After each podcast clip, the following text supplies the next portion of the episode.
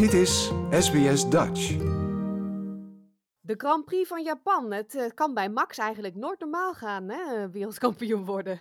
Nee, dit was, dit was bizar. En eigenlijk, als je het heel goed bekijkt, niet leuk ook. Kijk, een wereldkampioenschap, zeker in het eh, grootste entertainment eh, circus wat de wereld kent, de Formule 1, hoort toch eh, op een andere manier eh, gevierd te worden. En dit was echt bijna een anticlimax. Echt gewoon niet leuk. Kampioen worden en, en zeker eh, de manier waarop Max het gedaan heeft, dat hoort met veel meer allure en respect. En dit was kneuterwerk. Ja, dit was amateurisme. De organisatie weet zelf niet eh, hoeveel punten ze moeten geven of niet. Want wat was nou het geval? Ehm, door regen was de wedstrijd heel lang uitgesteld, hè? Ja. En dan gaan ze niet die aantal ronden doen die ze normaal gesproken doen, maar dan is er een tijd, een klok wordt er gestart. Ja, nou, dat, dat hangt per keer af. En, en, en ehm, nu was het dus nog een half uur en ik geloof vier ronden.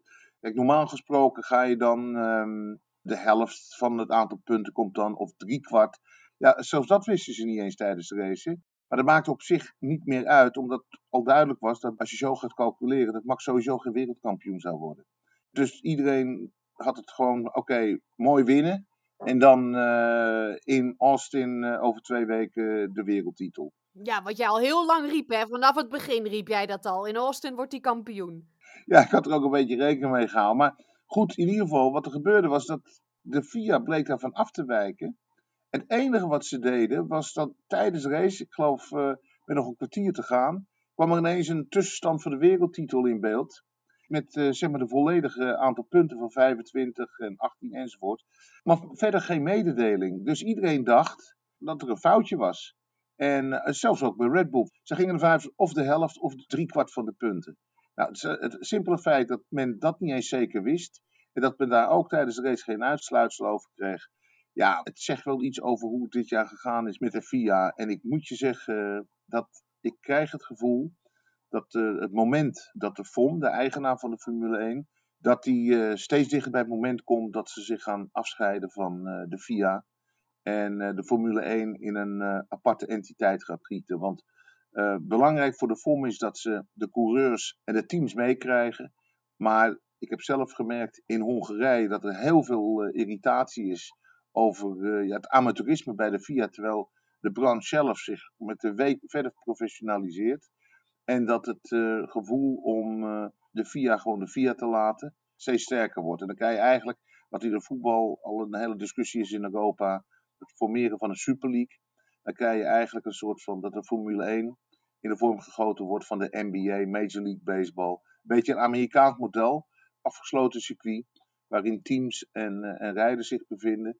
En waarbij eh, wil je meedoen aan, licentie, aan zware licentievoorwaarden moet voldoen. Hm. En dan, heb je, en dan ga je ook zelf de scheidsrechters aanstellen. Je gaat zelf de reglementen actualiseren en moderniseren. En, en dan ben je gewoon van dit, eh, dit soort eh, gedoe ben je af. Ja, ja want eh, Max werd geïnterviewd. Hij zei: Jammer, geen kampioen, maar hè, we gaan de volgende week voor. En zijn teamgenootje wordt geïnterviewd in één keer. Oh, Max, kom terug, je bent toch kampioen. En daarna was het toch weer onzeker. Het was eh, echt knullig. Ja, daarom. En, en je bent door je eerste emotie heen. Dus, Ja, dus om dan vervolgens met een ontlading eh, te creëren, ja, dat is, dat is eh, surrogaat. En ja, wat we, we hebben het al een paar keer over gehad. Het was een wereldtitel, eh, een wereldkampioen onwaardig. Ja, ja. En hij heeft natuurlijk, ehm, hij heerst gewoon met overmacht dit seizoen. Ja, het is geweldig. Het is overdonderend. Het is. eh, ik sprak David Coulthard eh, laatst. Die zei ook: ja, is zelden in de historie dat dit plaatsvindt. Dat de perfecte auto gecombineerd is met de perfecte coureur. Hij zei: er altijd. eh, was er wel iets in uit balans. Zei maar. De wagen is, is van de buitencategorie.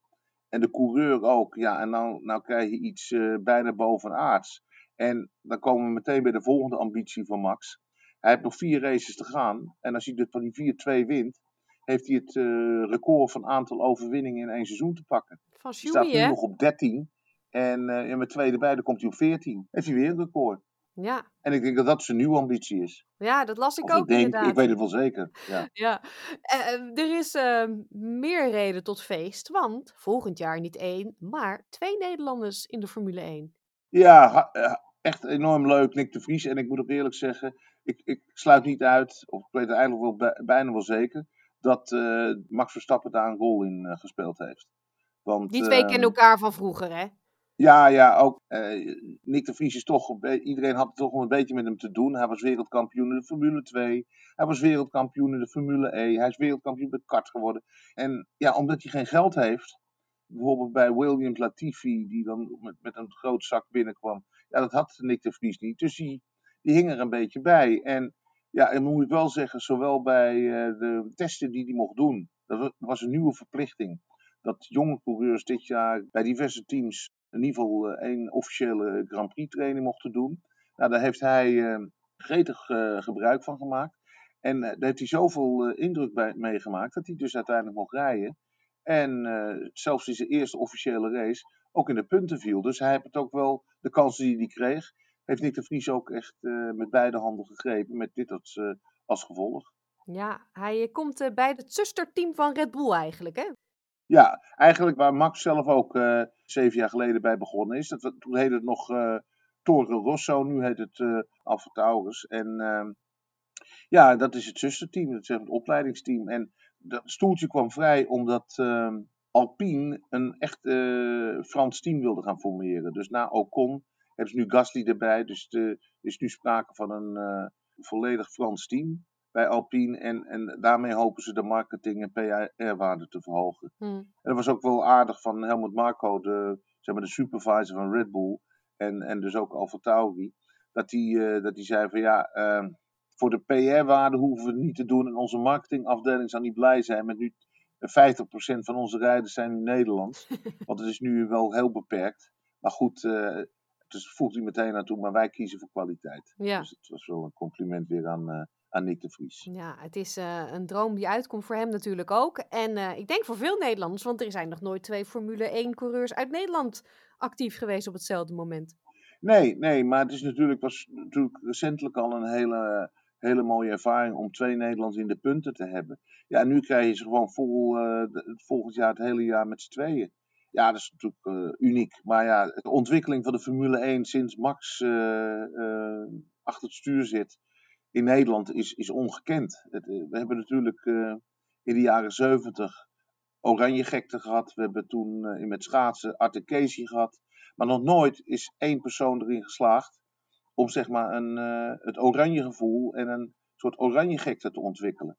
Het was altijd, wat ik al zeg, een duo bij het schaatsen, een team bij het voetbal.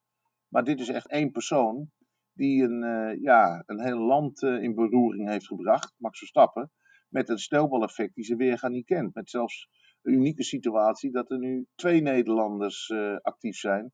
En ik zal je vertellen, als Max niet Max was geweest, acht ik de kansen echt heel klein dat Nick de Vries een contract had gekregen. Mm, ja, kunnen er nog meer stoeltjes bij daar in de Zandvoort? ja, nou ja, hoor ik weer, dat is ook wel een aardig nieuwtje, want ehm, van het weekend kreeg ik bericht dat Zandvoort de financiering voor de versies in 2024 en 2025 rond heeft. En dat ze dus voor 1 november, dat was de deadline, aan de FOM, Formule 1 management kunnen aangeven dat ze de optie gaan lichten in het contract dat ze met de FOM hadden. Het, was, uh, het contract was drie jaar en, en twee optiejaren. En uh, dat er dus nu de twee optiejaren worden gelicht. Dus de mensen die pech hebben gehad en uh, geen kaartje voor 2023 konden bemachtigen, want die race is ook al uh, uitverkocht. Krijgen nog een kans in 2024 en 2025. Wauw, geweldig. Ja.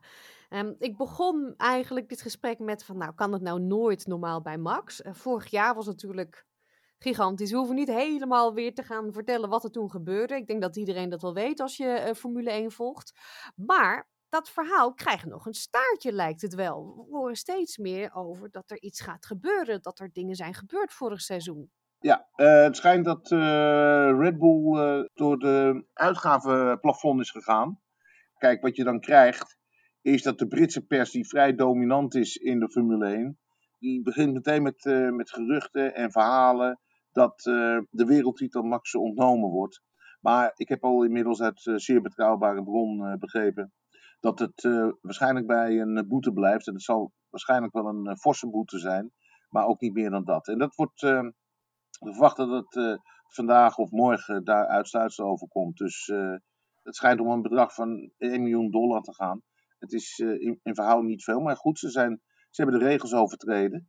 Ja, dat is niet goed, maar, maar het geluid vanuit de Britse media dat Max een wereldtitel kwijt zou raken, dat is een broodje aap. Gelukkig. Het, wordt, het blijft bij een fikse boete waarschijnlijk. Ja, nou wel een beetje knullig ook bij Red Bull dat dat natuurlijk gebeurd is, dat ze te veel uitgeven.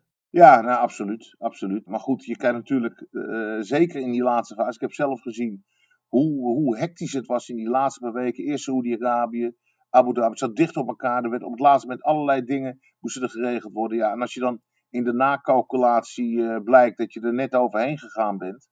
Want we praten natuurlijk niet even over een, een bout aanschaffen van 1 dollar, maar echt uh, ja, het materiaal wat in de Formule 1 uh, gebruikt wordt, is natuurlijk buitengewoon duur.